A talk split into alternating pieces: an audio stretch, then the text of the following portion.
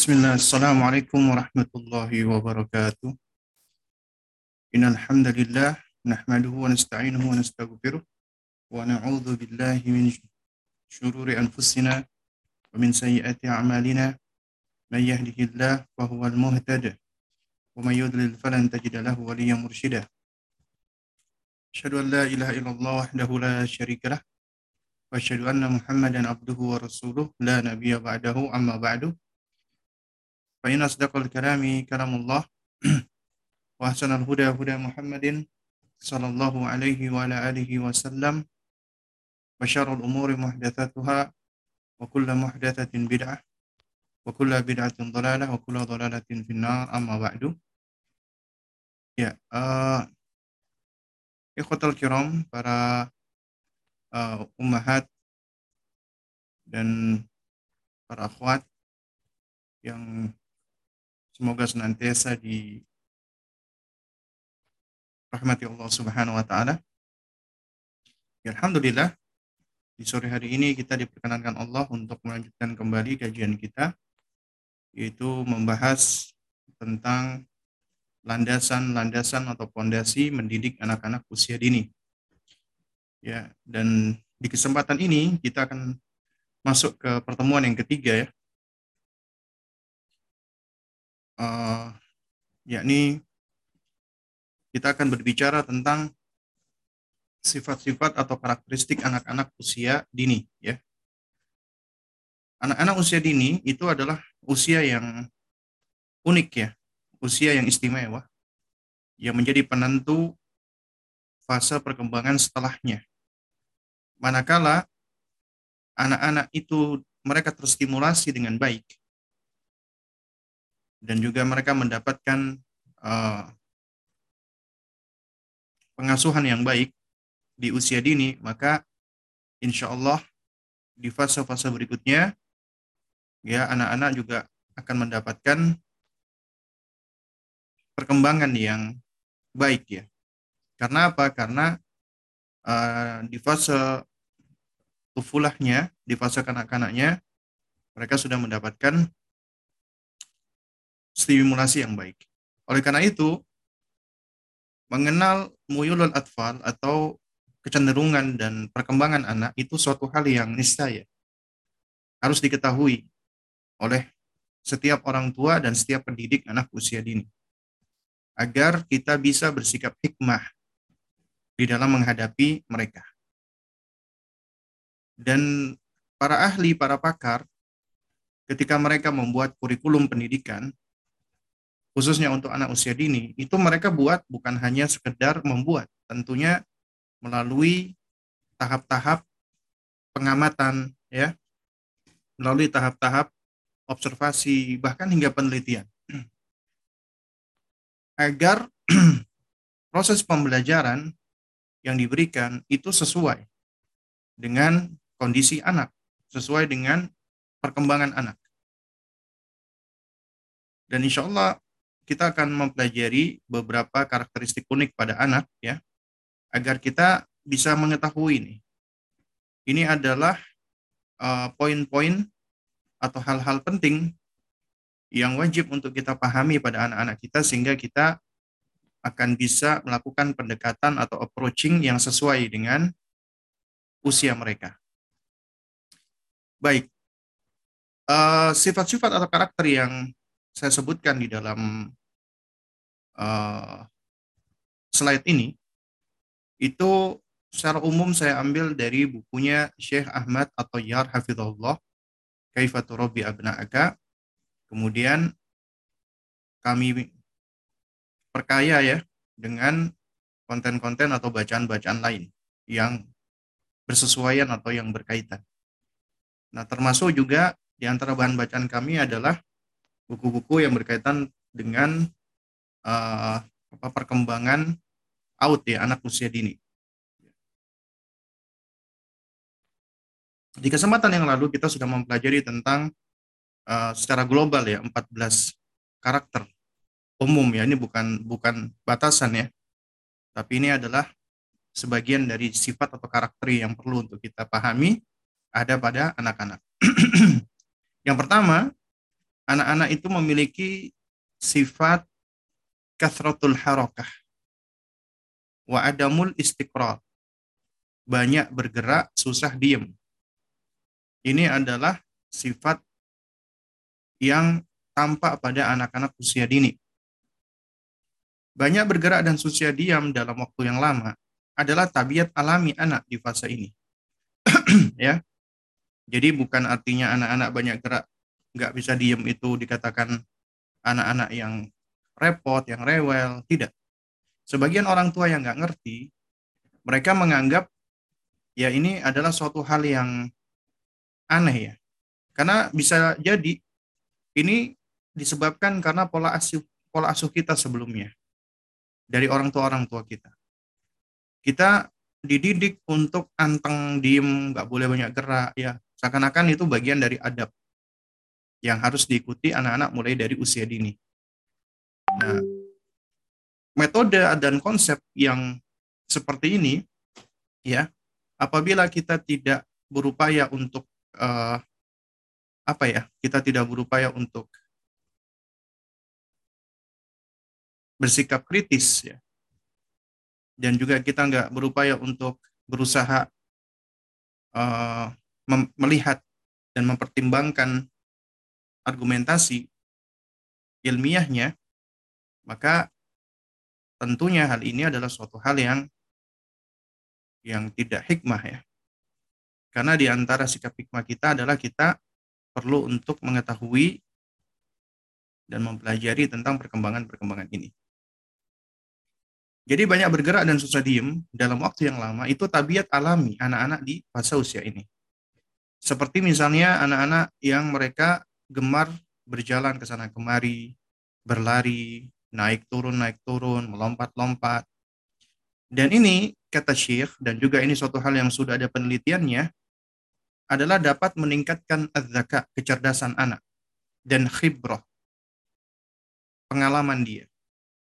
Kenapa? Karena ketika dia banyak bergerak, itu akan menstimulasi semua otot saraf, termasuk otak yang ada di dalam tubuhnya. Ya. Apabila mereka terstimulasi dengan baik dengan gerakan-gerakan, kita tahu ya anak-anak kita ini kan sedang bertumbuh dan berkembang ya. Ototnya bertumbuh berkembang, termasuk tulang-tulangnya, sendi-sendinya, saraf-sarafnya sedang bertumbuh dan berkembang. Dan proses pertumbuhan dan perkembangan ini itu memerlukan adanya stimulasi ya Sebagaimana kita tahu otot apabila dilatih ya, maka otot itu akan semakin berkembang ya, maka demikian pula dengan anak-anak. Mereka butuh untuk distimulasi perkembangan otot-ototnya. Ya. Makanya ketika anak itu mereka dibiarkan atau difasilitasi beraktivitas, itu sejatinya akan meningkatkan kecerdasan mereka. Dan ini proses bagi kita mempersiapkan agar mereka ready untuk belajar bahkan untuk beribadah. Karena Nabi Shallallahu Alaihi Wasallam Nabi apa namanya bersabda ketika berkaitan dengan apa tentang salat Nabi Shallallahu Alaihi Wasallam memerintahkan kita sebagai orang tua untuk memerintahkan anak kita salat di usia secara spesifik tujuh tahun. Nabi sebutkan secara spesifik di usia tujuh tahun. Dan Nabi mayantiku anil hawa in huwa illa wahyu. Tidak mungkin Nabi itu berbicara dari hawa nafsunya. Tapi apa yang Nabi sampaikan itu berangkat dari wahyu yang Allah wahyukan kepada beliau. Ketika Nabi menyebutkan secara spesifik usia 7 tahun, 10 tahun, berarti memang ada keistimewaan di usia tersebut yang sepatutnya menjadi concern kita. Nah, karenanya orang tua yang bijak dia berusaha untuk melihat, mencari tahu, ya, dan kemudian dia apa namanya mengamati. Makanya tiap anak itu perkembangannya memiliki milestone ya, karena sesuai dengan uh, hasil observasi dan pengamatan anak pada umumnya kita bisa mengetahui adanya milestone yang harus dicapai pada anak. Ya. Dan mungkin juga banyak di antara kita yang belum mengetahui ya atau juga belum belum sadar ternyata ketika kita uh, memfasilitasi anak untuk bermain dengan banyak gerakan-gerakan, kita menstimulasi motorik halusnya dan motorik kasarnya, itu dapat membantu anak di dalam memiliki postur tubuh yang baik.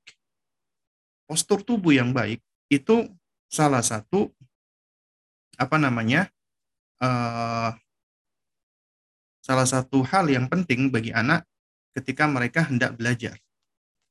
Makanya jangan heran ya apabila anak-anak yang tidak terstimulasi dengan baik duduk di atas kursinya itu dengan tubuh yang nggak baik ya, meleot ke kiri, meleot ke kanan, kemudian dia meletakkan tangannya di atas meja dan pipinya diletakkan di atas tangannya, ya. Dan ini posisi-posisi yang seperti ini itu juga bisa mengganggu fokusnya anak. Ya, karenanya ketika kita menstimulasi anak agar mereka memiliki ya otot tubuh yang baik, ya postur yang baik, ya juga kita perlu nih melatih ya apa masal-masal atau otot-otot mereka termasuk apa core muscle ya itu dalam rangka agar mereka memiliki postur yang baik postur yang baik dapat mendorong mereka untuk bisa belajar di usia berikutnya dengan baik. Dan demikian pula ya apa pergerakan-pergerakan yang dilakukan oleh anak-anak kita itu juga akan membangun pengalamannya.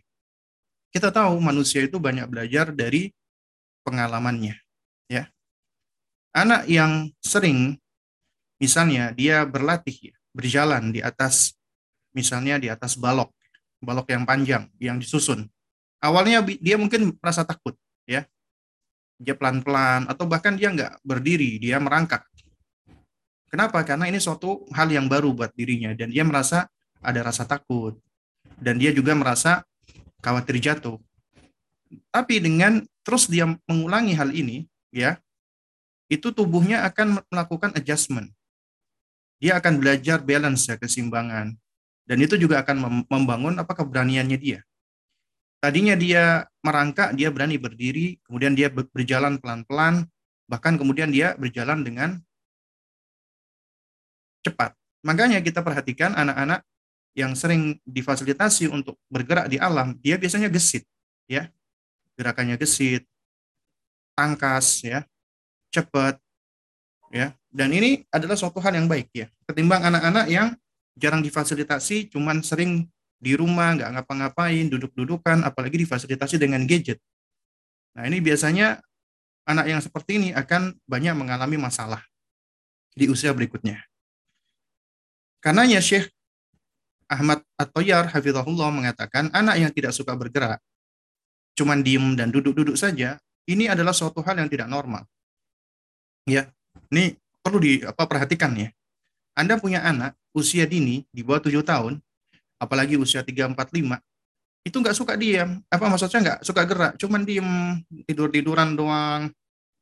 Ya apa terbahan aja mager malas gerak ya mungkin mencontoh dari orang tuanya misalnya ya ini semua adalah suatu hal yang tidak normal dan ini kata Syekh, berpotensi menimbulkan anak-anak memiliki karakter-karakter yang nggak baik.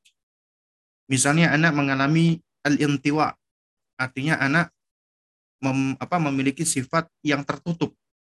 Bukan introvert ya, beda ya. Introvert itu bukan sesuatu yang jelek sebenarnya. Karena memang secara penelitian manusia ada yang ekstrovert, ada yang introvert. Dua-duanya ini adalah sifat yang tidak berkaitan dengan baik dan buruk ya. Kadang-kadang ada orang tua yang yang mengeluhkan, aduh anak saya ini Ustaz introvert banget Ustaz. Gimana Ustaz ya caranya supaya extrovert ya? Ya nggak seperti itu ya. Jadi seakan-akan extrovert itu kita anggap baik, introvert itu jelek. Enggak, itu cuman dia sebagian dari karakter mereka, keunikan mereka. Ada anak-anak yang memang dia mudah untuk bergaul, cepat untuk bersosialisasi. Ada anak-anak yang butuh waktu, butuh proses. Itu bukan artinya jelek, tidak ya. Ya, Bukan artinya anak introvert tidak bisa bergaul, bukan, bisa bergaul. Bahkan anak introvert itu ketika bergaul, ya biasanya mereka tuh akan lebih baik. Mereka akan mencari kawan yang uh, apa lebih selektif, yang mereka lebih nyaman karena mereka membangun uh, persahabatannya itu dengan uh, apa namanya dengan perasaan aman dulu. dan mereka apa percaya dulu trust ya. Nah, jadi bukan introvert, tapi menutup diri. Menutup diri itu karena mereka nggak pede, minder, ya. Uh, kemudian apa? Juga berasa nggak nyaman, insecure. Nah, akhirnya mereka menutup diri. Atau al-kabet ya, depresi. Atau makna lainnya adalah suka marah-marah, temperamental. Ya, nggak bisa mengatur emosinya dan perasaannya. Jadi ketika mereka mengalami sesuatu yang mereka nggak sukai, mereka langsung frustasi. Ya, mereka langsung marah-marah, teriak-teriak. Ketika main misalnya lagi nyusun, gagal, mereka banting-banting mainannya. Ya, ini adalah di antara dampak dari orang tua yang sebenarnya tidak begitu mengerti kebutuhan anak dan tidak memfasilitasinya. Ya. Nah, apalagi ada orang tua yang ketika mereka lagi main karena takut anaknya ini marah-marah, itu dibantu gitu loh. Ya, jadi misalnya kayak nyusun balok, misalnya ini anak ini kalau baloknya melenceng dikit dia marah-marah, akhirnya dibantu sama orang tuanya. Kalau kayak gini, ini anak ya itu malah uh, akan senantiasa uh, selalu merasa butuh dengan orang tuanya dan ketika keinginannya tidak dipenuhi dia akan marah-marah. Dia akan frustasi. Ya, atau al-khauf ya. penakut ya. Dia dia memiliki sifat penakut, enggak beranian. Takut mencoba, takut menghadapi hal-hal baru, takut bertemu dengan orang-orang asing. Ya, semuanya serba takut. Kenapa? Karena dia merasa tidak yakin dengan dirinya, tidak tidak apa percaya diri. Karena dia merasa dirinya lemah, dirinya selalu gagal, dirinya selalu nggak berhasil, ya. Sementara dia ngelihat yang lainnya itu pada berhasil, ya. Atau al khajal apa pemalu. Al haya itu malu, malu tapi yang baik. Kalau khajal malu di sini adalah malu yang negatif, ya. Jadi nggak mau melakukan segala sesuatu alasannya malu, malu, malu, tapi malu ya karena merasa nggak nggak pede ya, merasa tidak mempercaya diri. Nah, sementara anak yang banyak bergerak, apalagi difasilitasi, itu akan cenderung mereka lebih bahagia. Karena secara hasil apa setelah pen, apa secara penelitian ya, banyak aktivitas-aktivitas fisik anak itu ternyata menghasilkan apa? Hormon serotonin. Ya, itu adalah di antara salah satu hormon yang menyebabkan manusia itu bahagia. Artinya ketika bahagia ini hormon yang dominan yang ada pada pada manusia. Kemudian juga aliran darah lebih lancar, lebih baik sehingga tubuh akan lebih kuat dan lebih sehat. Ya. Nah, lantas apa yang kita lakukan? Di antara yang bisa kita lakukan sebagai orang tua untuk memfasilitasi mereka di usia ini, memfasilitasi sifat-sifat mereka yang masih banyak bergerak, susah diem, adalah fasilitasi anak untuk beraktivitas, terutama di luar rumah. Ya, kita fasilitasi mereka. Karena permainan-permainan outdoor di luar ruangan itu akan melatih otot dan motorik mereka dan merangsang produksi serotonin dan dopamin. Ya, ini adalah neurotransmitter pada otak yang penting untuk perhatian, fokus dan proses belajar. Nah, ini di antara alasannya. Karena setelah dilakukan penelitian, ya, aktivitas-aktivitas outdoor itu bisa memproduksi hormon serotonin dan dopamin, ya. Ini adalah neurotransmitter nih pada otak ya yang ternyata berpengaruh kuat di dalam fokusnya anak, perhatiannya anak, atensi atensinya anak. Dan ini adalah suatu hal yang penting di dalam proses belajar. Dengan kata lain, apabila anak-anak itu mereka difasilitasi untuk beraktivitas, terutama di luar ruangan atau outdoor, maka akan mempengaruhi secara positif tentang perhatian, fokus, dan proses belajar mereka. Karena itu, jangan sampai kita menjadi orang tua yang bakhil, yang pelit, ya. Bakhil atau pelit untuk mengizinkan anak kita mengeksplor, menjelajah. Karena ini usia mereka menjadi explorer, ya, menjadi penjelajah. Di dalam menjelajahnya mereka, mereka banyak belajar, mereka sedang membangun pengetahuan dan apa pengalaman. Ya, jadi biarkan mereka beraktivitas, kita fasilitasi, ya dan ya kita cukup mengawasi saja nggak perlu terlalu khawatir sekiranya mereka jatuh mereka terluka itu bagian dari kehidupan kehidupan ini yang akan mereka lalui itu nggak akan selamanya mulus nggak akan selamanya mudah. Jadi di antara cara kita untuk melatih mereka dan membangun resiliensi mereka ketika mereka menghadapi problem, masalah, ya izinkan mereka menghadapinya, biarkan mereka ya uh, melaluinya, ya. Tanpa perlu kita intervensi kecuali kalau memang diperlukan atau dibutuhkan. Kadang-kadang ada ini orang tua, ya itu terlalu sering mengintervensi apalagi di dalam uh, sekolah anak usia dini ya. Misal nih, ini hal yang sering kali kami dapati. Ya, anak ketika diberikan aktivitas luring ya, aktivitas luring melakukan sesuatu misalnya.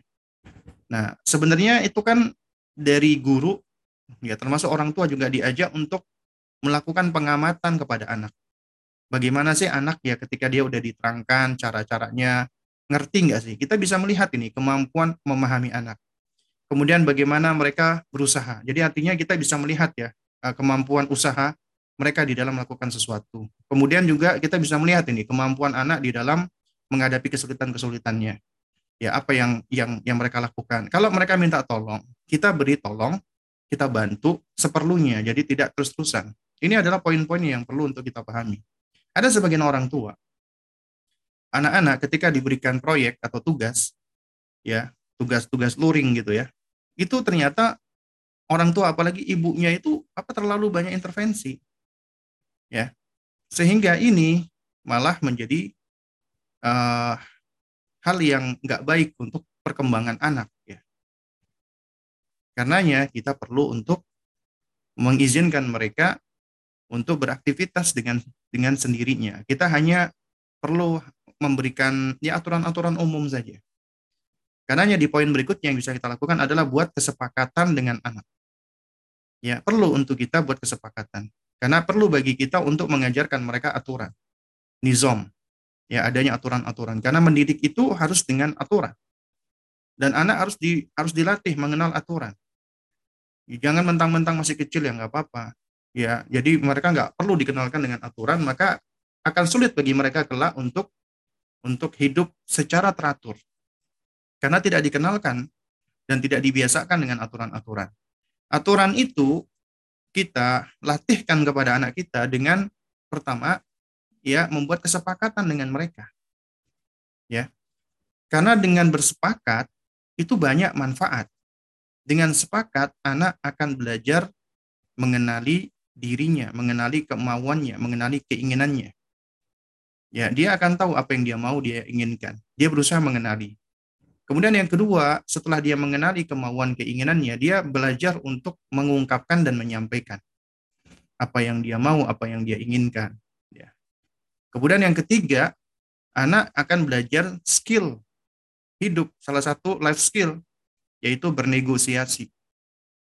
Karena tidak semua dong yang dia inginkan dipenuhi kan. Dia belajar untuk bernegosiasi. Itu life skill. Kemudian yang keempat, dia harus juga belajar menerima ketika keinginannya, gagasannya tidak diterima. Karena kita harus ngajarin mereka itu. Tidak semua pemikiran, keinginan mereka diterima. Jadi mereka harus belajar dealing menghadapi. Ketika ada salah satu keinginannya ataupun salah satu dari uh, apa gagasannya itu tidak kita terima misalnya. Yaitu mereka harus dealing dengannya. Meskipun mereka awalnya sulit ya tapi ini harus kita latih harus kita ajarkan. Meskipun mereka butuh waktu untuk memprosesnya. Karena segala sesuatu memang butuh untuk dilatih dan butuh berproses. Biarkan mereka dealing menghadapi ketika keinginan mereka tidak dipenuhi.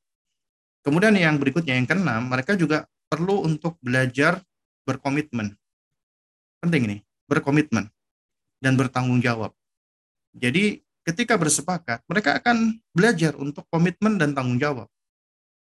Kemudian yang ketujuh, mereka juga perlu belajar konsekuensi. Konsekuensi apabila mereka melanggar dari komitmen, melanggar dari kesepakatan, maka mereka ya boleh untuk diberikan hukuman, ya, bahkan perlu, bahkan harus diberikan hukuman sesuai dengan jenis perbuatan atau kesalahannya. Ya, asalkan tidak dengan hukuman fisik, ya. Itu agar mereka belajar konsekuensi. Artinya ketika mereka melanggar ada konsekuensi. Ya. Nah, itu harus harus kita pegang. Artinya kita harus punya integritas dan komitmen, konsisten. Ya. Kita juga harus konsisten, komitmen dan punya integritas. Itu di antara manfaat ketika kita bersepakat dengan mereka, membuat kesepakatan. Anak-anak usia dini itu bisa kita bersepakat mulai dari hal-hal yang simpel misalnya. Ya. Misalnya berkaitan dengan kita ingin membangun rutinitas mereka. Anak-anak itu perlu dibangun rutinitasnya. Bahkan yang menarik ya Syekh Yusuf Muhammad Al-Hasan di dalam buku beliau, risalah beliau Al-Wajiz fit Tarbiyah ketika menerangkan mendidik anak usia masih bayi itu anak itu sudah bisa dilatih untuk dibangun habitnya, rutinitasnya. Memang secara asal anak itu dia akan uh, secara alami ya, dia bangun, tidur, buang air itu sesuai dengan apa kondisinya random acak. Dan manusia itu makhluk yang masya Allah yang istimewa, yang bisa dilatih.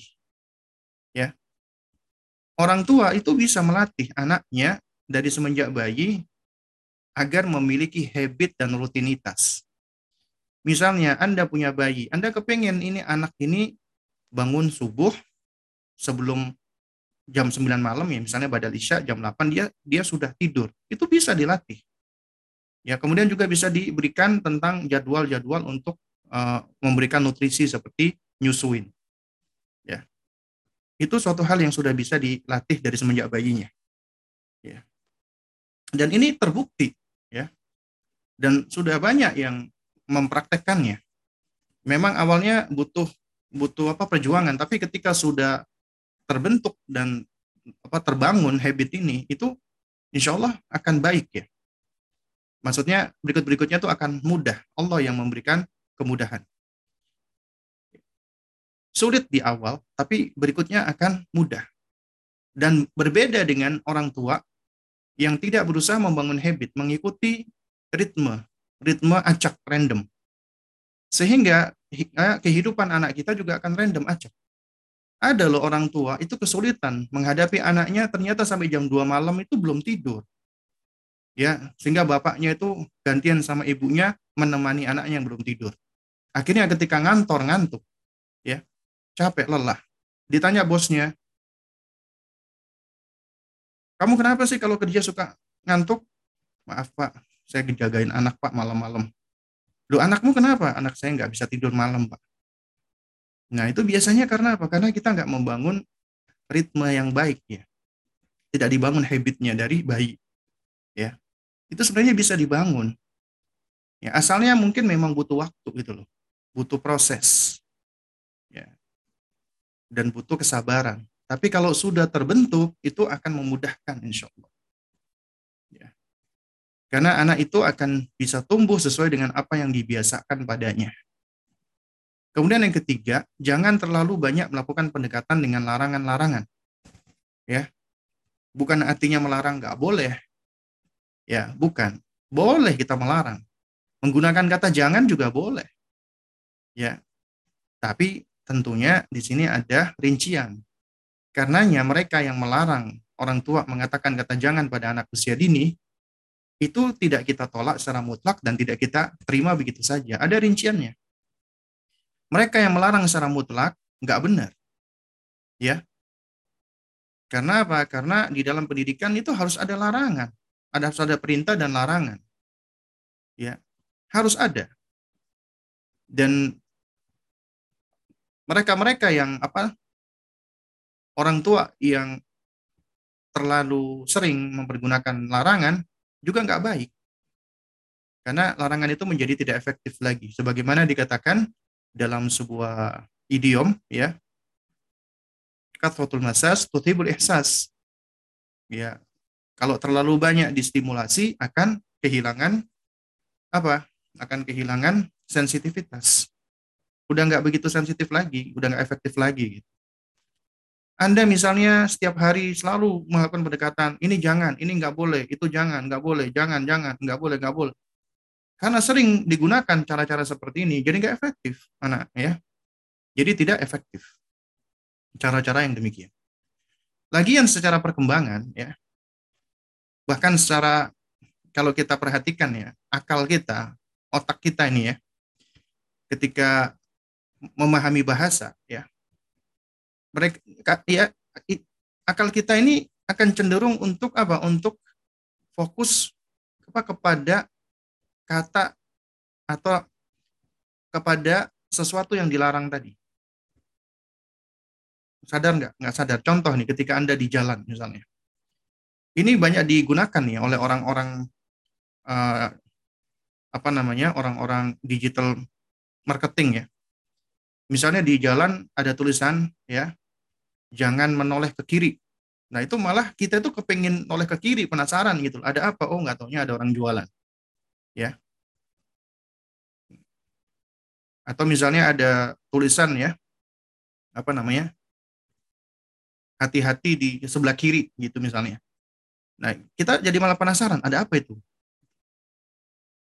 Karena sulit bagi kita secara langsung ya, apalagi anak-anak kita itu bisa menghindar dari apa yang dilarang tadi, kecuali apabila sudah diiringi dengan apa namanya pemahaman gitu Makanya di dalam memberikan larangan di dalam agama kita itu ada ada tafsir, ada rinciannya.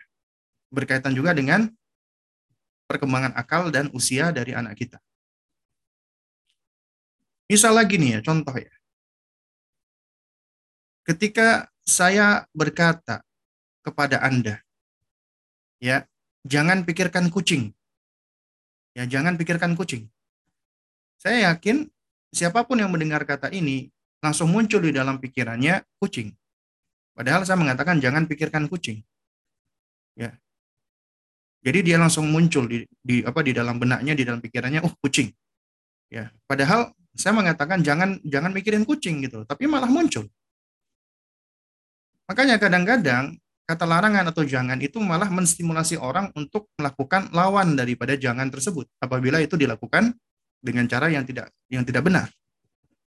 Makanya ketika Anda mengatakan kepada anak Anda, jangan melompat, jangan lari, jangan apa namanya? jangan mukul, jangan ini, jangan itu, itu malah yang masuk ke dalam benaknya itu itu adalah kata setelah kata jangan tadi.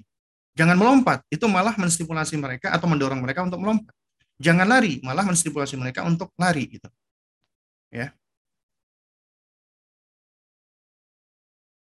Bahkan juga di dalam uh, penelitian ya. Eh, katanya ini ya, ya. Kayak pelatihan uh, driver atau pilot ya, misalnya pilot atau apa namanya pembalap ya, atau pemain ski ya. Mereka itu dilatih ketika sedang berjalan, misalnya apa pemain ski ya, itu kan mereka melewati pohon-pohon, mereka menghindar pohon. Nah, jadi kalau mereka malah fokusnya apa kepada pohon ya, misalnya jangan nabrak pohon, jangan jangan apa namanya nabrak pohon. Jadi mereka akan fokus kepada pohon. Akhirnya apa yang terjadi? Nabrak nabrak pohon. Ya. Tapi kalau mereka fokus apa kepada jalannya ya, fokus apa kepada jalur jalan skinya ya. Nah, jadi mereka bisa apa namanya menghindari pohon. Ya.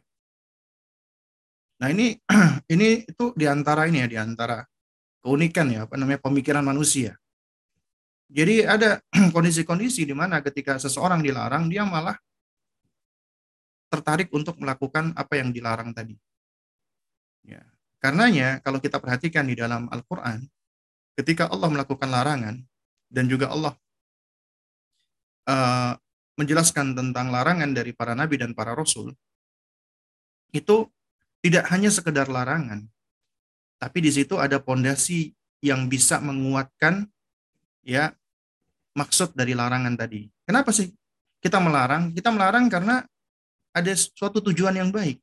Kita menjauhkan dari sesuatu yang tidak kita inginkan, sesuatu apa keburukan misalnya dari anak kita. Sehingga kita melarang dia melakukan hal tersebut agar keburukan itu tidak dia lakukan.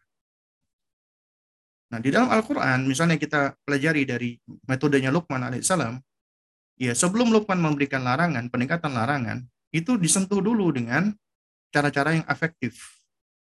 Ya, dengan cara-cara yang yang efektif. Ya bunayya, wahai nak. Jadi disentuh dulu hatinya. Hatinya dulu disentuh. Dan ini cara yang digunakan oleh Nabi Wasallam sebelum beliau memberikan pesan, ya baik itu perintah atau larangan. Ya, itu disentuh dulu hatinya dengan sapaan yang baik, dengan salam, dengan ucapan yang baik. Jadi membangun koneksi dulu gitu loh. Nah, baru setelah itu menyampaikan larangan dan kemudian biasanya akan ditutupi dengan menstimulasi akal atau menstimulasi apa pemahaman anak, akalnya anak. Kenapa sih ini dilarang? Itu disebutkan alasannya. La tusyrik billah, janganlah kamu menyekutukan Allah. Inna syirka la zulmun azim. Karena sesungguhnya anak kesyirikan itu adalah kezaliman yang besar, ya. Nah, ini adalah di antara metode yang diajarkan oleh siapa? Oleh Luqman alaihissalam Allah abadikan di dalam Al-Qur'anul Karim. Juga demikian misalnya Nabi Yakub alaihissalam. Ketika beliau melarang Yusuf untuk menceritakan mimpinya, ya. Beliau mengatakan la taksus ru'yaka ya ala ikhwatika fayakidu laka kaida. Jangan kamu ceritakan mimpimu kepada abang-abangmu fayakidulah kakaida nanti mereka berbuat tipu daya kepadamu. Di, dijelaskan alasannya. Nah, jangan kamu ceritain ya mimpimu ke abang-abangmu. Kenapa? Nanti mereka berbuat buruk kepadamu, ya. Nanti mereka berbuat apa namanya? Uh, yang nggak baik ya, berbuat makar kepadamu. Juga misalnya dalam surat Luqman nih, ketika diajarkan anaknya tentang adab. Ya, adab uh, di dalam surat Luqman ayat 18. Luqman mengatakan wala tusair khaddaka linnasi wala tamshi fil ardi marahan. Ya, janganlah kamu nak apa namanya memalingkan wajahmu dari manusia karena sombong dan janganlah kamu berjalan di muka bumi ini dengan angkuh. Ya, jadi diberikan nasihat dengan larangan. Jangan kamu memalingkan wajah dari manusia karena kamu sombong. Nggak mau lihat orang karena sombong, karena menganggap diri paling baik. Dan jangan kamu berjalan di muka bumi dengan angkuh, dengan sombong. Ya. Nah, disebutkan alasannya apa? Alasannya innallaha la yuhibbu kulla mukhtalin fakhur. Karena sesungguhnya Allah nggak suka dengan orang-orang yang sombong lagi membanggakan diri. Itu alasannya. Dan ini alasan yang baik ya ketika diingatkan apa kepada Allah Subhanahu wa taala. Bahkan juga ketika bukan hanya larangan, perintah, itu juga perlu bagi kita untuk menjelaskan alasannya. Ya, sebagaimana Luqman memberikan nasihat, ya waqsid fi masyik waqdud min sautik inna ankaral aswati la sautul hamir. Ya, kata Luqman alaihissalam, ya, dan bersederhanalah kamu ketika berjalan dan lunakkan suaramu. Kenapa? Karena sesungguhnya seburuk-buruk sejelek-jelek suara adalah suara keledai. Ya. Nah, itu suatu hal yang Masya Allah, itu sangat merangsang akal banget. Karena di zaman itu mereka tinggal nggak asing dengan hewan yang namanya keledai. Itu suaranya tuh suara yang buruk, suara yang jelek. Ya, diawali dengan apa namanya dengan nafas yang memburu, kemudian diakhiri dengan suara yang melengking tinggi yang memekakkan telinga. Itulah suaranya keledai. Nah, digambarkan ya kalau manusia itu suka teriak-teriak ngomongnya, ya itu sama seperti cara seperti suaranya keledai, nggak nggak enak didengerin gitu loh. Itu menstimulasi akalnya anak gitu. Ya. Jadi ketika Anda melakukan pendekatan dengan perintah dan larangan, jangan lupa kita perlu untuk menjelaskan alasannya. Nah, jangan main di dapur ya, Nak. Malah penasaran dia dengan isi dapur. Ya. Tapi perlu kita bawa ayo sini nak, kamu ikut Umi sini. Nah, di dapur ini pertama kotor, banyak minyak berceceran, ada barang-barang berbahaya, ada kompor. Kompor ini panas, api. Ya kita deketin misalnya, no. itu boleh. Ya kemudian ada uh, ada pisau, ada kotoran-kotoran, ada ini dan itu membahayakan kamu. Ya. Nah, jadi kita jelaskan alasannya. Wala kulihal, memberikan larangan kepada anak itu perlu tapi jangan terlalu sering. Di antara konsep yang perlu kita pahami ketika melarang anak adalah sentuh dulu hatinya sebelum kita melarang dan ketika kita telah melarang berikan argumentasinya akalnya untuk untuk menyentuh akalnya. Itu yang pertama. Kemudian yang kedua, ketika melarang maka ya laranglah sesuatu yang memang itu membahayakan anak atau sesuatu itu adalah apa perkara yang diharamkan Allah. Ya. Hal-hal yang berkaitan dengan apa yang diharamkan Allah. Seperti misalnya yang paling besar dari keharaman itu adalah kesyirikan, termasuk kemaksiatan. Maka kita larang dia. Ya, kalau itu udah berkaitan dengan hal-hal yang maksiat, lakukan pendekatan dengan jangan, nggak boleh. Adapun yang ketiga, kalau itu berkaitan dengan hal-hal yang tidak berkaitan dengan prinsip agama, tidak berkaitan dengan eh, hal-hal uh, yang apa, apa namanya membahayakan, maka nggak perlu kita larang. Misalnya anak keluar rumah nggak pakai sandal, ya itu baik dia akan terstimulasi itu saraf-saraf kakinya ketika menginjak aspal, menginjak rumput. Kadang-kadang ih kotor, jijik ah. Ya, padahal itu bagus, baik. Kadang-kadang yang membuat anak kita itu jijian itu kita sebagai orang tua gitu Ya, kadang-kadang anak itu sampai mengalami OCD itu gara-gara kita gitu. Karena kita suka melarang-larang, dikit-dikit kita larang. Padahal perlu mereka itu terstimulasi. Atau misalnya mereka uh, bermain yang kotor-kotor misalnya kita larang. Ya. Selama itu tidak membahayakan, maka tidak perlu kita melakukan pendekatan dengan larangan. Ya. Kita belajar nih dari baginda Nabi yang mulia alaihissalam. Nabi ketika anak sambungnya Umar bin Abi Salamah radhiyallahu taala anhu ketika berada di pangkuan beliau dan pada saat berada di atas meja makan ya itu tangannya Umar bin Abi Salamah itu sebagaimana Umar bin Sal Abi Salamah menceritakan ya beliau menjulur-julurkan tangannya ke ke apa pinggan makanan dijulur-julurkan kita paling eh Gus kamu nggak sopan kamu ini Nggak boleh kayak gitu ah. Kamu ini julur-julurin tangan kayak gitu nggak sopan gitu kan. Mungkin kita intinya sudah ngomel-ngomelin anak kita gitu. Ya, entah dengan larangan atau dengan yang semisalnya. Tapi Nabi tidak. Nabi SAW melakukan pendekatan dengan cara yang luar biasa. Ya bunaya, wahai nak, samillah, ucapin bismillah ya. Karena dia tahu ini waktunya makan, ucapin bismillah. Ya, wakul biyaminik, makan dengan tangan kananmu. Ya.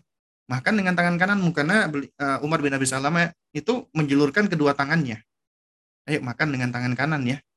Wakul mimma yalik dan makan yang dekat sama kamu. Artinya kalau makan yang dekat jangan julur-julurin tangan ke yang jauh. Nah kata Umar bin Abi Salamah setelah itu aku selalu melazimi apa yang dinasihatkan Nabi kepadaku itu ya itulah luar biasanya apabila cara-cara yang kita gunakan adalah cara-cara yang dicontohkan oleh manusia yang terbaik jadi nggak apa-apa kita melarang anak kita, tapi juga jangan terlalu sering, ya. Dan juga kita tidak tidak apa ya, tidak membenarkan mereka yang melarang secara mutlak orang tua melarang anaknya. Itu juga suatu hal yang nggak benar, ya. Jadi ada rincian. Kemudian beri aktivitas yang bermanfaat pada anak. Ketika anak-anak itu bermain, permainan mereka itu mubah, ya, hal-hal yang mubah. Tentunya orang tua yang cerdas ketika orang tua itu memfasilitasi anak bermain, maka carilah permainan-permainan yang bermanfaat. Yang bisa menstimulasi sarafnya, ototnya, motorik halusnya, motorik kasarnya, keseimbangannya, sensoriknya, dan yang lainnya. Ya. Jadi ini mengharuskan kita untuk belajar agar kita bisa menstimulasi anak dengan aktivitas-aktivitas yang bermanfaat. Apalagi di zaman digital seperti saat ini itu tantangannya besar, beda dengan zaman dahulu.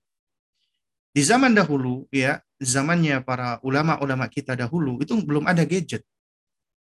Sehingga mereka aktivitasnya jangan kita nggak perlu deh ngomong apa zamannya ulama. Zaman kita dulu aja deh masih kecil. Ya, ketika itu yang namanya smartphone itu masih langka. Smartphone itu belum semaju seperti sekarang. Internet itu paling masih GPRS dan itu pun tidak semua orang bisa menikmati. Ya. Kita dulu ingat ketika kita masih kecil, begitu banyak permainan-permainan.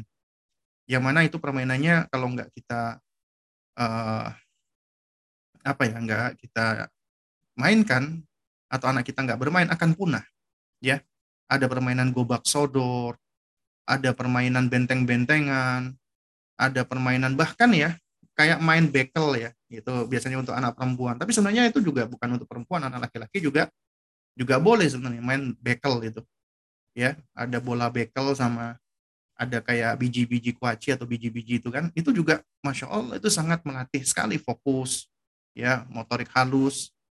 Ya jadi dulu itu begitu banyak permainan-permainan itu yang banyak menstimulasi kita lihat nih serial bolang itu ya bocah petualang ya mereka keluar jalan-jalan kadang-kadang nggak pakai sandal itu biasanya badannya kuat-kuat ya nah biasanya mereka itu juga ya eh, selain tangkas ya gesit, itu juga punya apa?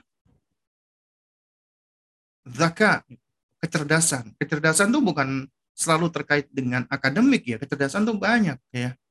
Ya, misalnya kecerdasan di dalam bersosialisasi, dalam berempati, ya di dalam dan di dalam banyak hal. Ya, itu juga menstimulasi kecerdasan. Ya, jadi penting bagi kita untuk berikan aktivitas yang bermanfaat. Ya, kalau sekarang itu kebanyakan anak-anak kita kita fasilitasi berolahraga yang olahraga itu apanya? Jempolnya sama matanya dengan apa? Dengan game-game. Makanya zaman sekarang itu kebanyakan menjadi zaman digital ini kebanyakan menjadi anak-anak itu masuk di dalam kategori bangsa rebahan, suka rebahan doang ya. Ya, ini jadi malah tidak baik untuk perkembangan mereka. Kemudian juga bisa kita ajak mereka ke rumah saudara, sahabat, apa tetangga yang punya anak-anak sebaya. Ya. Atau kita bawa ke tempat-tempat wisata hiburan ya atau kita masukkan ke sekolah-sekolah yang sevisi dan semisi dengan kita di antaranya agar mereka belajar untuk berinteraksi dan bersosialisasi. Ya. Juga boleh kita mengajak mereka ke tempat wisata atau hiburan itu sebagai reward atau atau hadiah misalnya. Ya, misalnya ketika mereka melakukan sesuatu, melakukan apa kebaikan-kebaikan, melakukan sesuatu yang baik ya. Kemudian kita berikan reward itu boleh. Misalnya kita ajak jalan-jalan.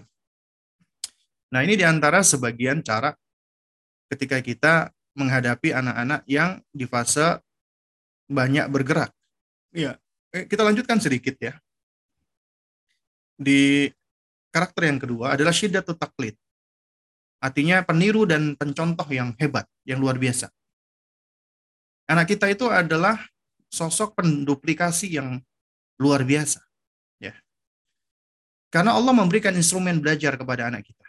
Mendengar, melihat, kemudian meniru dan mencontoh. Seperti spons yang menyerap segala sesuatu di sekelilingnya. Tapi spons dia memang tidak ngapa-ngapain ya. Tapi kalau anak kita setelah dia serap, dia akan meniru dan mencontohnya. Dia akan menduplikasinya. Ya. Karena Allah berikan kepada kita sebagaimana kata Syekh Yusuf Muhammad Al-Hasan, dua jihaz, jihazan. Jihazu al-iltiqat wa jihazu al-muhakah. Instrumen untuk menerima yaitu mendengar, melihat dan instrumen untuk merespon yaitu dengan mencontoh, meniru, muhakah. Nah, karenanya anak-anak kita itu akan menjadi sosok yang meniru dan mencontoh apa yang dilakukan oleh orang tuanya. Ya, cara ngomongnya, bahkan temperamennya, ngamuk-ngamuknya, itu sebenarnya mencontoh. Kalau ada orang tua, Ustaz, anak saya ini kok suka marah-marah Ustaz ya? Ya, padahal saya nggak pernah ngajarin. Iya, emang ada orang tua ngajarin anak marah-marah? Nggak ada. Mereka itu marah-marah karena mencontoh tanpa kita sadari, entah kita yang dicontoh atau pasangan kita atau orang yang ada di sekelilingnya. Ya. Karena itu ini fase yang penting bagi kita untuk memberikan kudwah atau uswah hasanah. Memberikan contoh yang baik.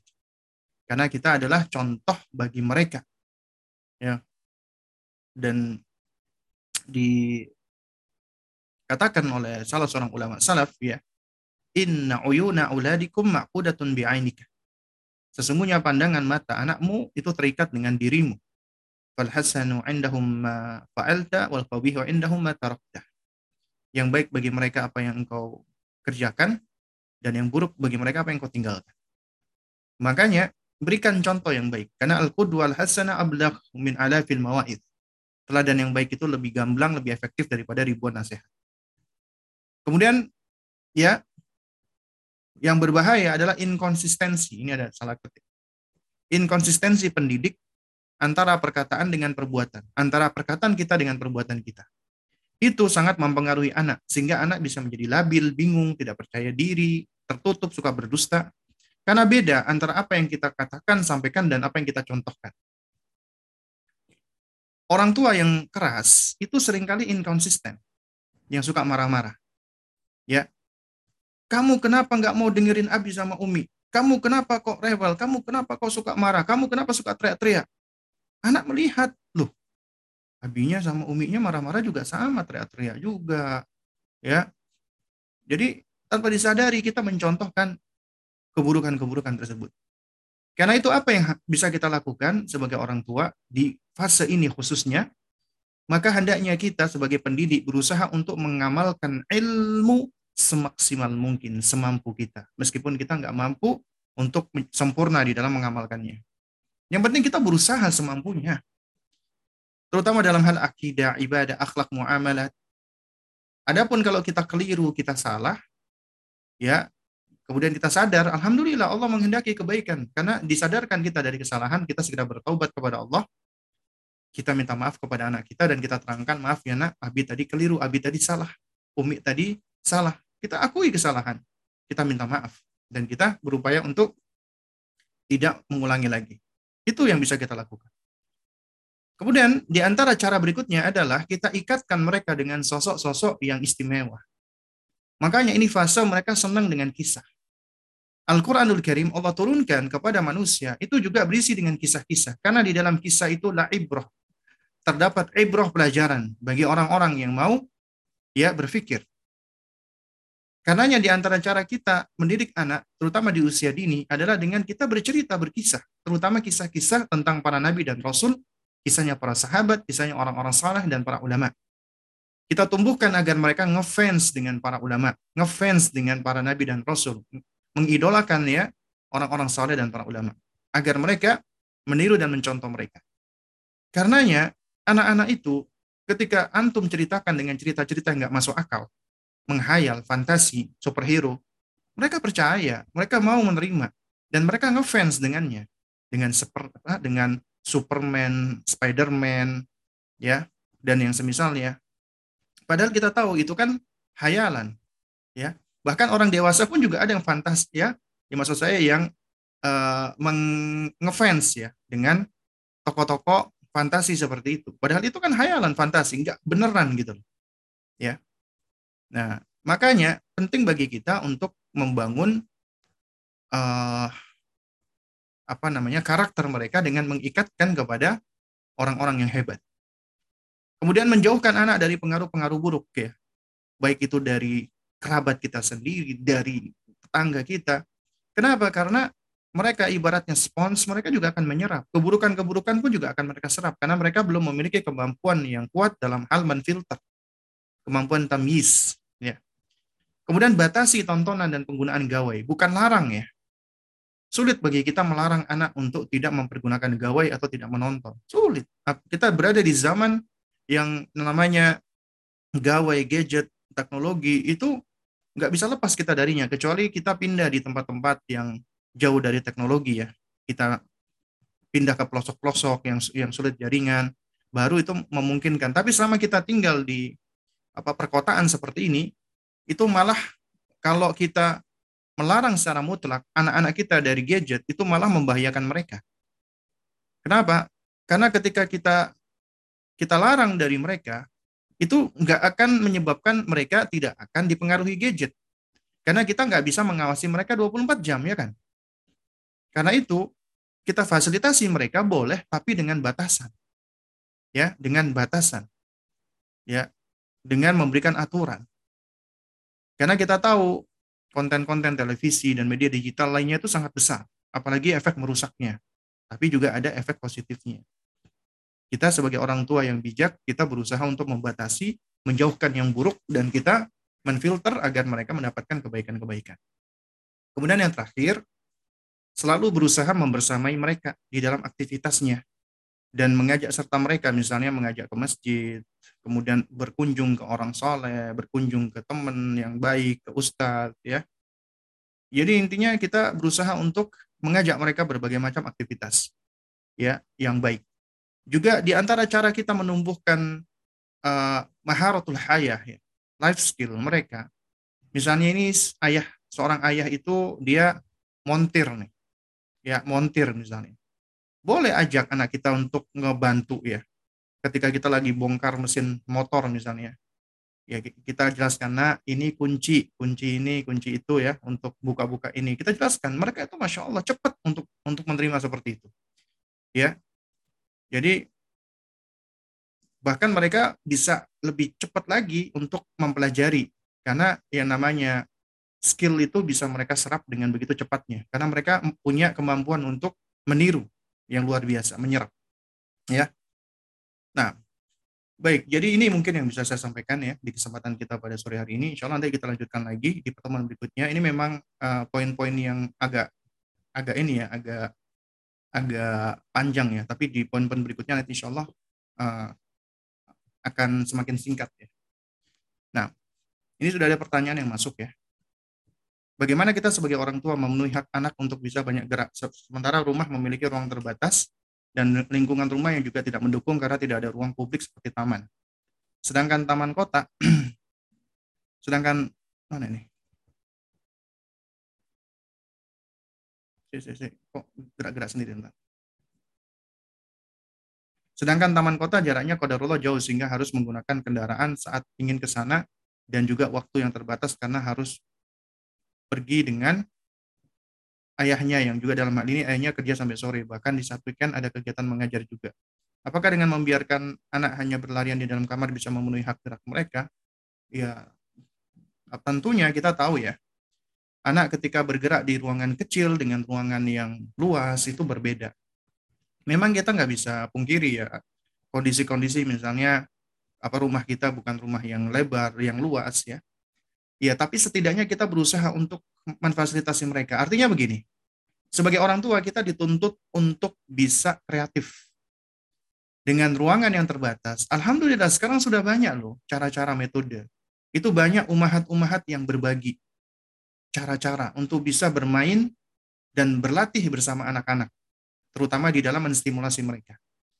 Karena ada beberapa permainan itu nggak butuh ruangan-ruangan yang luas, ruangan-ruangan yang apa namanya, yang harus gede, enggak, ya.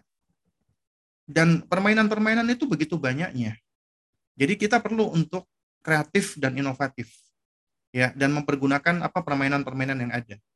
Dan alhamdulillah itu ada apa sejumlah umahat ya yang berkarya ya yang maksudnya uh, punya pengalaman, punya skill, punya knowledge juga pengetahuan tentang hal ini itu banyak yang berbagi cara-caranya. Ya, ada yang membuat pelatihan-pelatihannya, bahkan ada juga kelas-kelasnya. Ya, itu hal-hal yang bisa kita kita ikuti dan kita lakukan. Atau juga mungkin ada kelas-kelas daring ya buat anak-anak kita. Ya, karena kelas daring itu kan sebenarnya juga ada aktivitas-aktivitasnya ya itu juga bisa kita ikuti ya. Jadi nggak mesti harus di ruangan yang yang apa yang luas.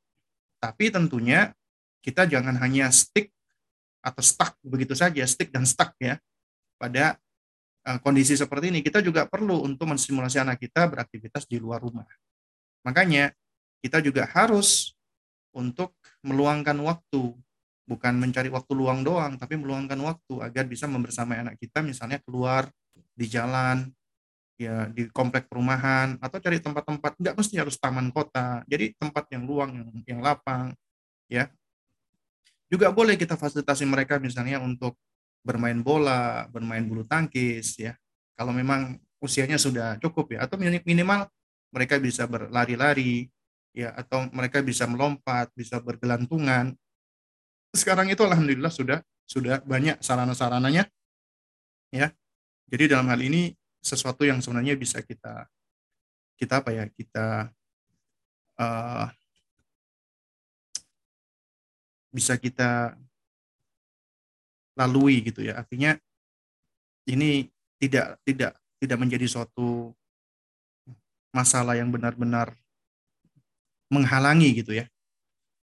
Kenapa karena alhamdulillah sudah banyak banyak apa sudah banyak metode-metode atau cara nah Kemudian pertanyaan berikutnya, Dong, ini mana nih? Kok tiba-tiba, iya benar Ustadz. iya benar Ustadz, ini yang benar yang mana ini? Anak saya yang ketiga tahun kalau lagi nangis dulu selalu bilang, udah berhenti jangan nangis. Enggak, enggak mau berhenti. Sekarang kalau mau nangis langsung saya bilang, ya udah nangis saja, malah enggak, enggak jadi nangis. Ini terjadi kalau sedang minta sesuatu yang tidak bisa saya beliin atau saya kasih. Oh jadi ini sharing ya Masya Allah ya. Jadi di sini Ummu Zahra sharing ya. Masya Allah, barakallahu fiqh. Mohon advice-nya, anak saya usia 6 tahun, insya Allah sudah bisa mandi sendiri. Alhamdulillah, itu di antara skill ya, life skill yang harus kita latih kepada anak kita. Ya, apa namanya, toilet training. Ya, bahkan dalam agama kita, kita harus sudah mengajarkan kepada mereka tentang hal ini, istinja ya tentang cara bercebok, ya, adab ke kamar mandi itu harus, sudah kita ajarkan. Tapi kecenderungan dia enggan untuk melakukannya. Selalu minta saya yang memandikan. Atau kalaupun dia mandi sendiri, ya. Atau kalaupun dia mandi sendiri, lebih suka berlama-lama di kamar mandi, walaupun sudah kami jelaskan kerugian berlama-lama di kamar mandi. Mohon petunjuk apa yang bisa saya, saya perbaiki dari sisi saya, Ustadz. Nah, ya intinya anak-anak itu kadang-kadang tidak butuh uh, apa ya tidak begitu membutuhkan penjelasan yang panjang. Tapi mereka itu kadang-kadang ada anak yang dia butuh aturan. Ya artinya dia butuh dikasih aturan nah cuman dalam hal, hal ini bukan artinya kita langsung apa namanya memaksakan aturan enggak tetap kita perlu untuk ya menguatkan bonding kita, attachment kita dengan dia ya agar koneksi kita tetap kuat. Kalau koneksi kita kuat, koreksi kita akan lebih mudah diterima oleh anak kita. Nah, jadi dalam hal ini kita harus bersikap konsisten, integritas dan tega. Dalam artian kita harus membuat aturan, nizam yang kita ajak mereka untuk menyepakati.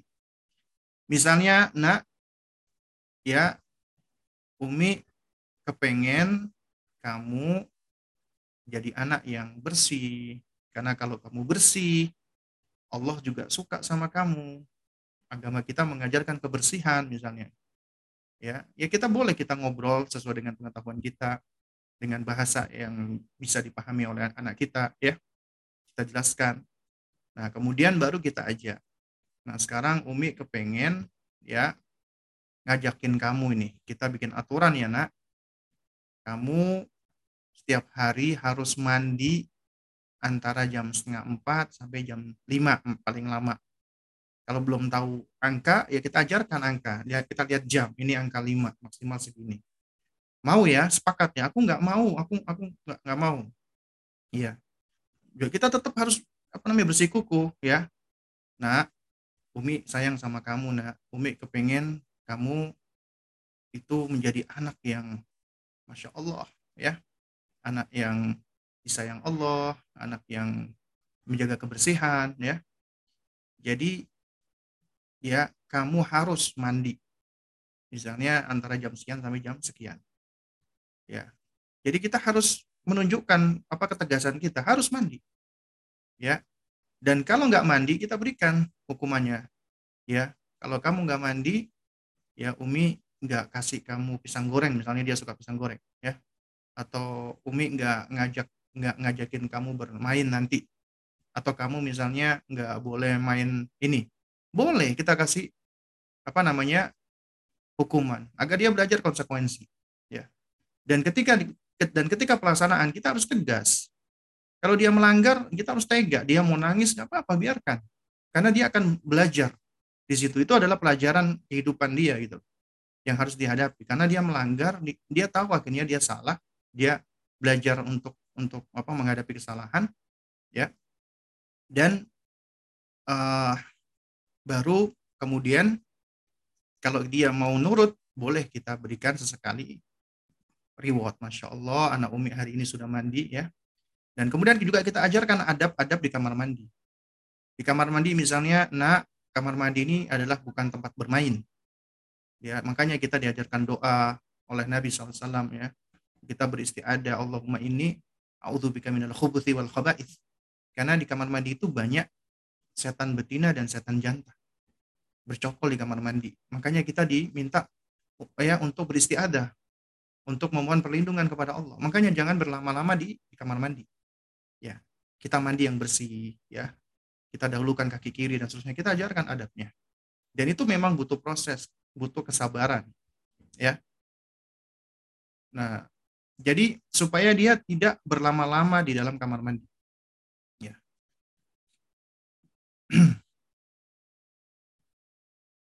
Dan intinya di dalam hal ini adalah ya kita sebagai orang tua harus terus berupaya melakukan pendekatan yang tepat dan kita di sisi lain juga harus tegas dan tega. Tega dan tegas. Tapi dalam bingkai yang baik ya dalam bingkai uh, apa namanya? bingkai sebagai bentuk perhatian kita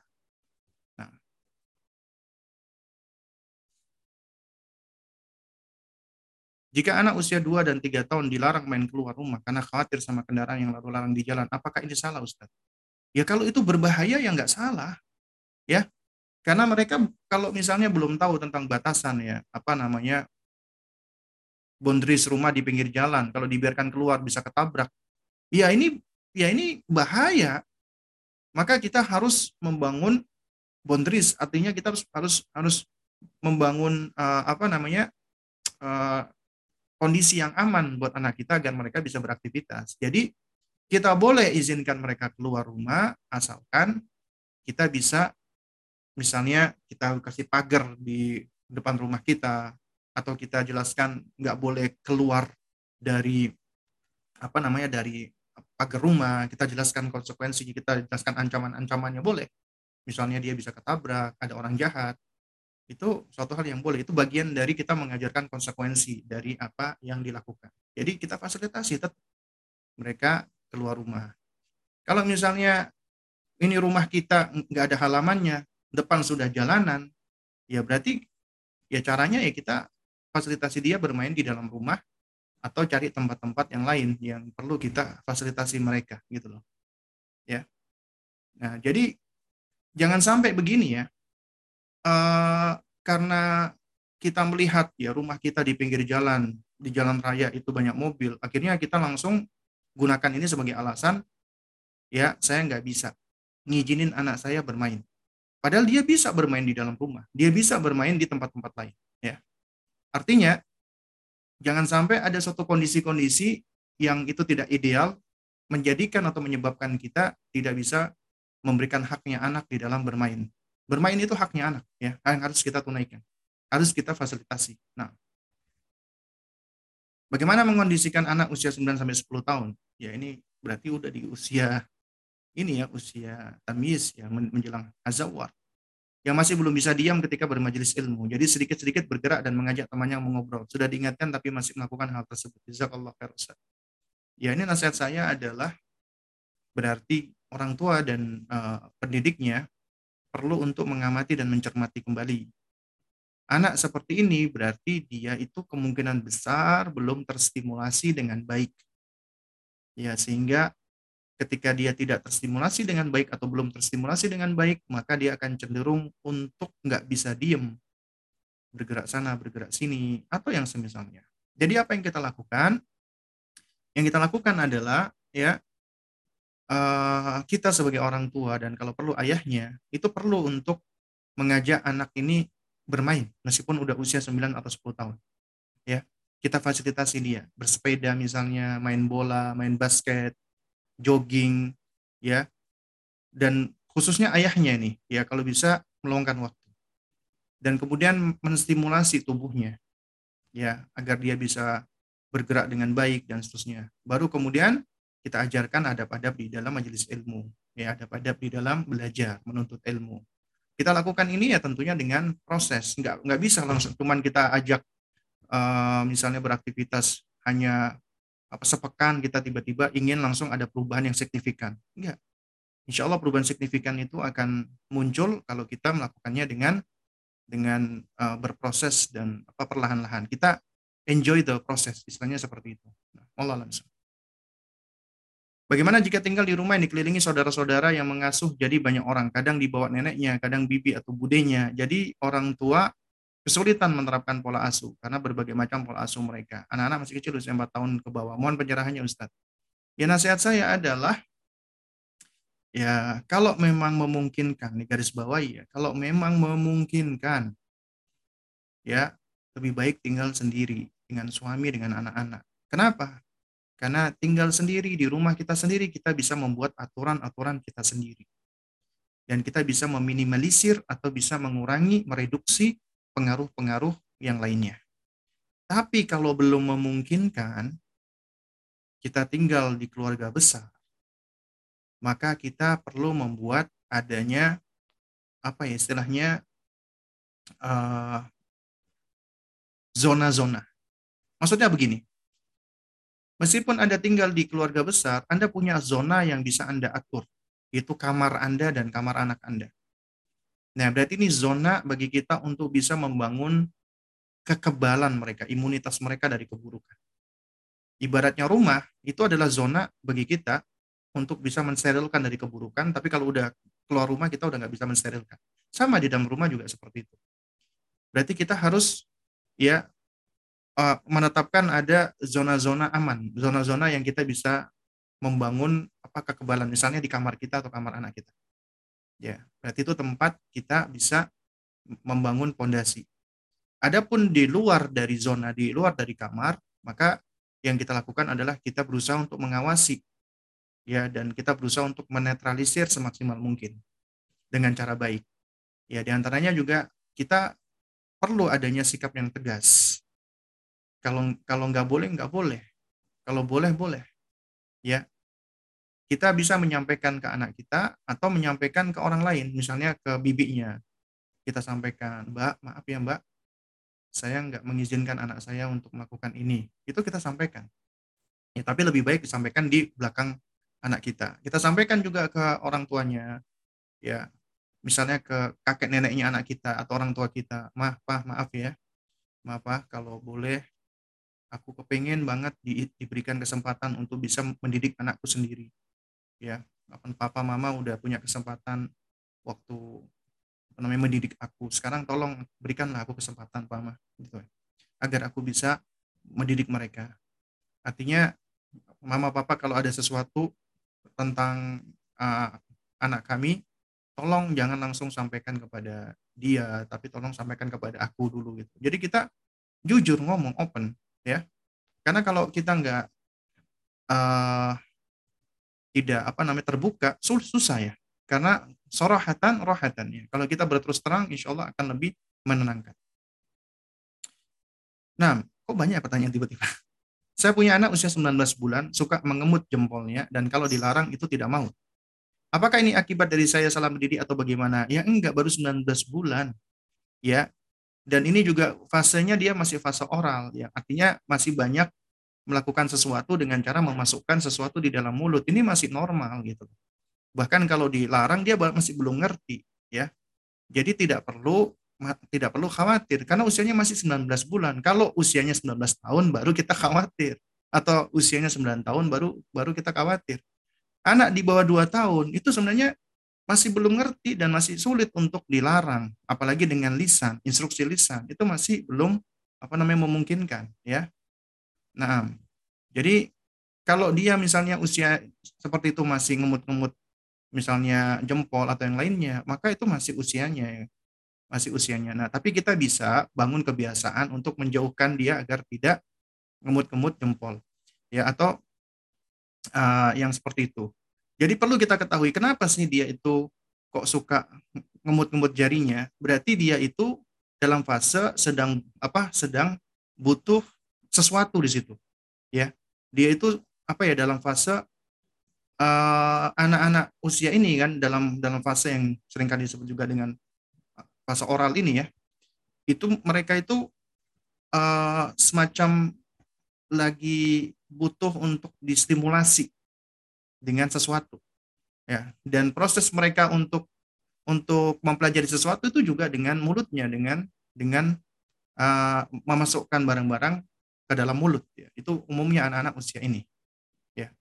Bahkan keponakan saya ya usia dua tahun lebih ya pada saat dia ketemu sama apa nah, saya lupa namanya itu hewan juga hewan kayak serangga karena dia penasaran itu dimasukkan mulut sampai ibunya shock ya. Ya jadi ini memang bagian dari apa perkembangan anak-anak kita. Karenanya kita nggak perlu terlalu khawatir ya kalau itu selama dalam batasan yang normal. Jadi anak-anak usia seperti ini mas apa memasukkan jari ya masukkan barang atau benda ke mulutnya itu masih normal ya. Nah karenanya kita tahu ya anak-anak di usia ini kadang-kadang dikasih empeng gitu kan. Karena memang ya mungkin giginya mau tumbuh ya atau mungkin gusinya itu apa kayak gatel atau yang semisalnya. Sehingga dia uh, ingin apa ya ingin mengurangi efek itu tadi yang dia rasakan gitu. Sehingga dia memasukkan sesuatu ke dalam uh, mulutnya. Jadi kalau umurnya 19 bulan ya kita nggak usah terlalu khawatir ya. Anak kami empat tahun kalau ditanya misalnya matanya sakit kan kalau lama nonton TV dia jawab nggak nggak sakit padahal dia tahu Ustadz jawabannya. Apakah jawaban seperti ini tidak karena tidak mau untuk dilarang atau sifat yang buruk dari anak yang tidak jujur Ustadz? Bagaimana kami sebagai orang tua harus menyikapinya Ustadz? Jadi yang pertama, anak-anak secara asal tidak berdusta, tidak berbohong. Karena itu kita jangan membangun pandangan kita terhadap anak seperti ini kita anggap dia berbohong. Jangan. Ya. Memang berbohong itu adalah menyampaikan sesuatu tidak sesuai dengan kenyataan. Anak-anak itu dia belum memiliki kemampuan untuk memilah-milah, bahkan untuk memilah mana yang nyata dan tidak. Karenanya anak-anak itu sebenarnya di usia-usia ini itu adalah anak yang belum berbohong. Ketika dia berbohong pun ya itu juga karena bisa jadi dia meniru, mencontoh dan dia nggak dan dia nggak begitu tahu dan dia nggak begitu sadar, apalagi di usia empat tahunan ya. Ya. Lalu kemudian ketika misalnya anak kita itu suka nonton TV dengan melihat layar dekat-dekat, ya, kalau anda mengingatkan dia, nak jangan dekat-dekat lihatnya nanti matamu sakit ya tuh, kan? Matamu sakit kan? Nah, dia itu merasa nyaman ketika lihat TV karena itu hiburan dia. Kemudian kita ingin merusak kenyamanan dia dengan apa namanya misalnya nyuruh dia mundur misalnya. Ya. Kemudian kita menjelaskan tentang bahayanya ini dan itu ya. Itu kalau kita merasa apa yang kita lakukan tidak efektif, maka cari metode lain. Cari cara lain, jangan kita hanya stick dengan cara yang sama. Ya, di antaranya kalau misalnya gini ya, kita ingatkan ingatkan anak kita, nak kamu nggak boleh ini, tetap dia bergeming, nggak boleh ini, tetap dia bergeming. Kemudian kita ulangi lagi. Kalau itu masih bergeming, berarti ini cara kita adalah cara yang tidak efektif. Berarti kita harus melakukan pendekatan yang lain. Ya. Ada nih ibu-ibu bilang, Ustaz, anak saya itu, aduh, pokoknya bawel luar biasa Ustaz nggak pernah nurut Ustaz. Dipanggil nggak mau nurut. Ya. Nah, kemudian anaknya datang terus dipanggil, ya. Budi, Budi sini Budi. Budi, terus Budi itu tetap anaknya nggak nggak noleh-noleh. Ya. Yang jadi pertanyaan adalah dia udah tahu ketika anaknya dipanggil nggak noleh, kenapa pakai cara yang sama terus? Bukan artinya anaknya ini itu kurang ajar, anaknya enggak. Itu bisa jadi karena ada alasan lain yang harus kita cari tahu. Kalau misalnya cara kita kita gunakan nggak efektif, cari cara yang yang lain. Itulah tugas kita sebagai orang tua. Ya. Dan anak-anak ketika dipanggil dia nggak nyaut, ya, maka berarti ini anak sebenarnya itu sedang membutuhkan perhatian kita. Kita deketi dia. Daripada kita mengangkat suara teriak-teriak, kita deketi, kita pandang matanya, kemudian kita ngomong pelan-pelan Budi. Budi tadi dengar nggak Umi ngomong apa? Iya, Umi, Budi dengar. Terus kenapa Budi kok nggak menjawab? Ya, Budi malas aja atau misalnya seperti ini ya. Jadi lebih baik kita kita deketin dia. Bisa jadi dia itu lagi malas bete ini. Uminya ini cuma manggil-manggil kadang-kadang nyuruh-nyuruh doang gitu kan. Dan anak-anak mungkin dia lagi nggak kepengen disuruh misalnya. Kenapa? Karena dia merasa kenyamanan dia terganggu. Juga sama mungkin ada anak lagi nonton TV, ya kemudian kita ingetin jangan deket-deket gini. Daripada kita uh, cuman ngomong doang secara verbal, lebih baik kita gendong dia, kita taruh di jarak yang pas. Terus kita sampaikan, nak, ya, kamu boleh nonton TV, tapi nggak boleh deket-deket ya. Kamu dikasih Allah mata, jangan sampai mata pemberian Allah ini sakit atau rusak. Dan masih banyak ribuan cara untuk bisa melakukan hal ini. Makanya kita dituntut menjadi orang tua yang terus belajar mengupgrade diri ya. Nah, Allah misal. Masih ada lagi pertanyaan kah?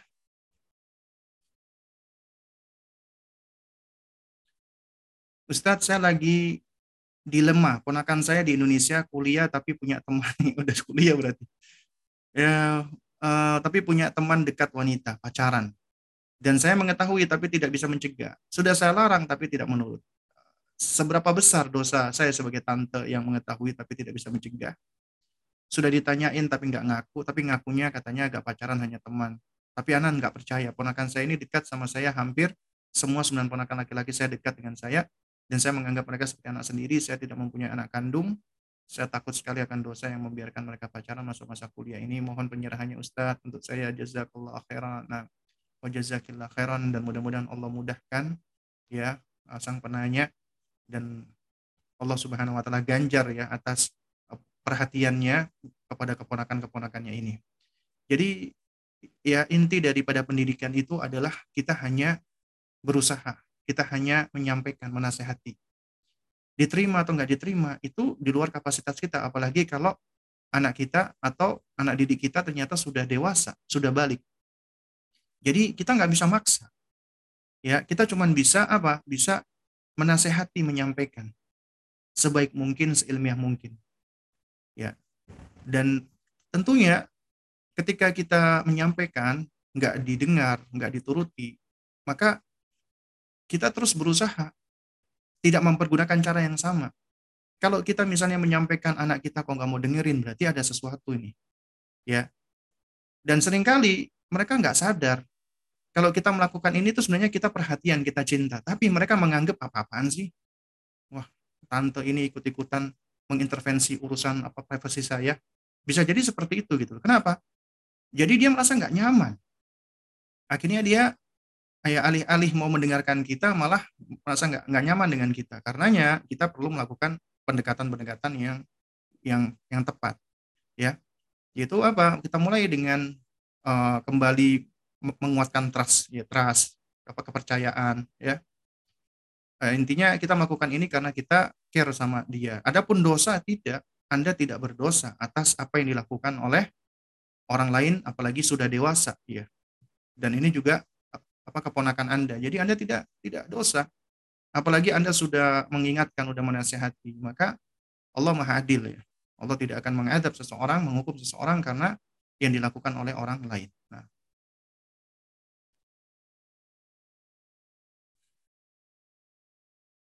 Nah, ya ini nanti minta tolong panitia untuk bisa nge-save pertanyaan-pertanyaan yang belum saya jawab ya. Nanti insya Allah mungkin kita jawab di sesi berikutnya, karena ini sudah pukul setengah enam ya. Karena sebentar lagi sudah masuk waktu maghrib. Jadi insya Allah kita cukupkan dulu sampai di sini. Ya, eh, dan saya mohon maaf ya apabila ada hal-hal yang kurang berkenan atau yang keliru atau yang salah datangnya dari diri saya pribadi yang hak datangnya dari Allah insya Allah kita lanjutkan lagi di dua pekan berikutnya Mudah-mudahan sedikit ini bisa memberikan manfaat untuk kita semua. Subhanakallahumma wa bihamdik asyhadu an la ilaha illa anta astaghfiruka wa atubu ilaik. Wassalamualaikum warahmatullahi wabarakatuh.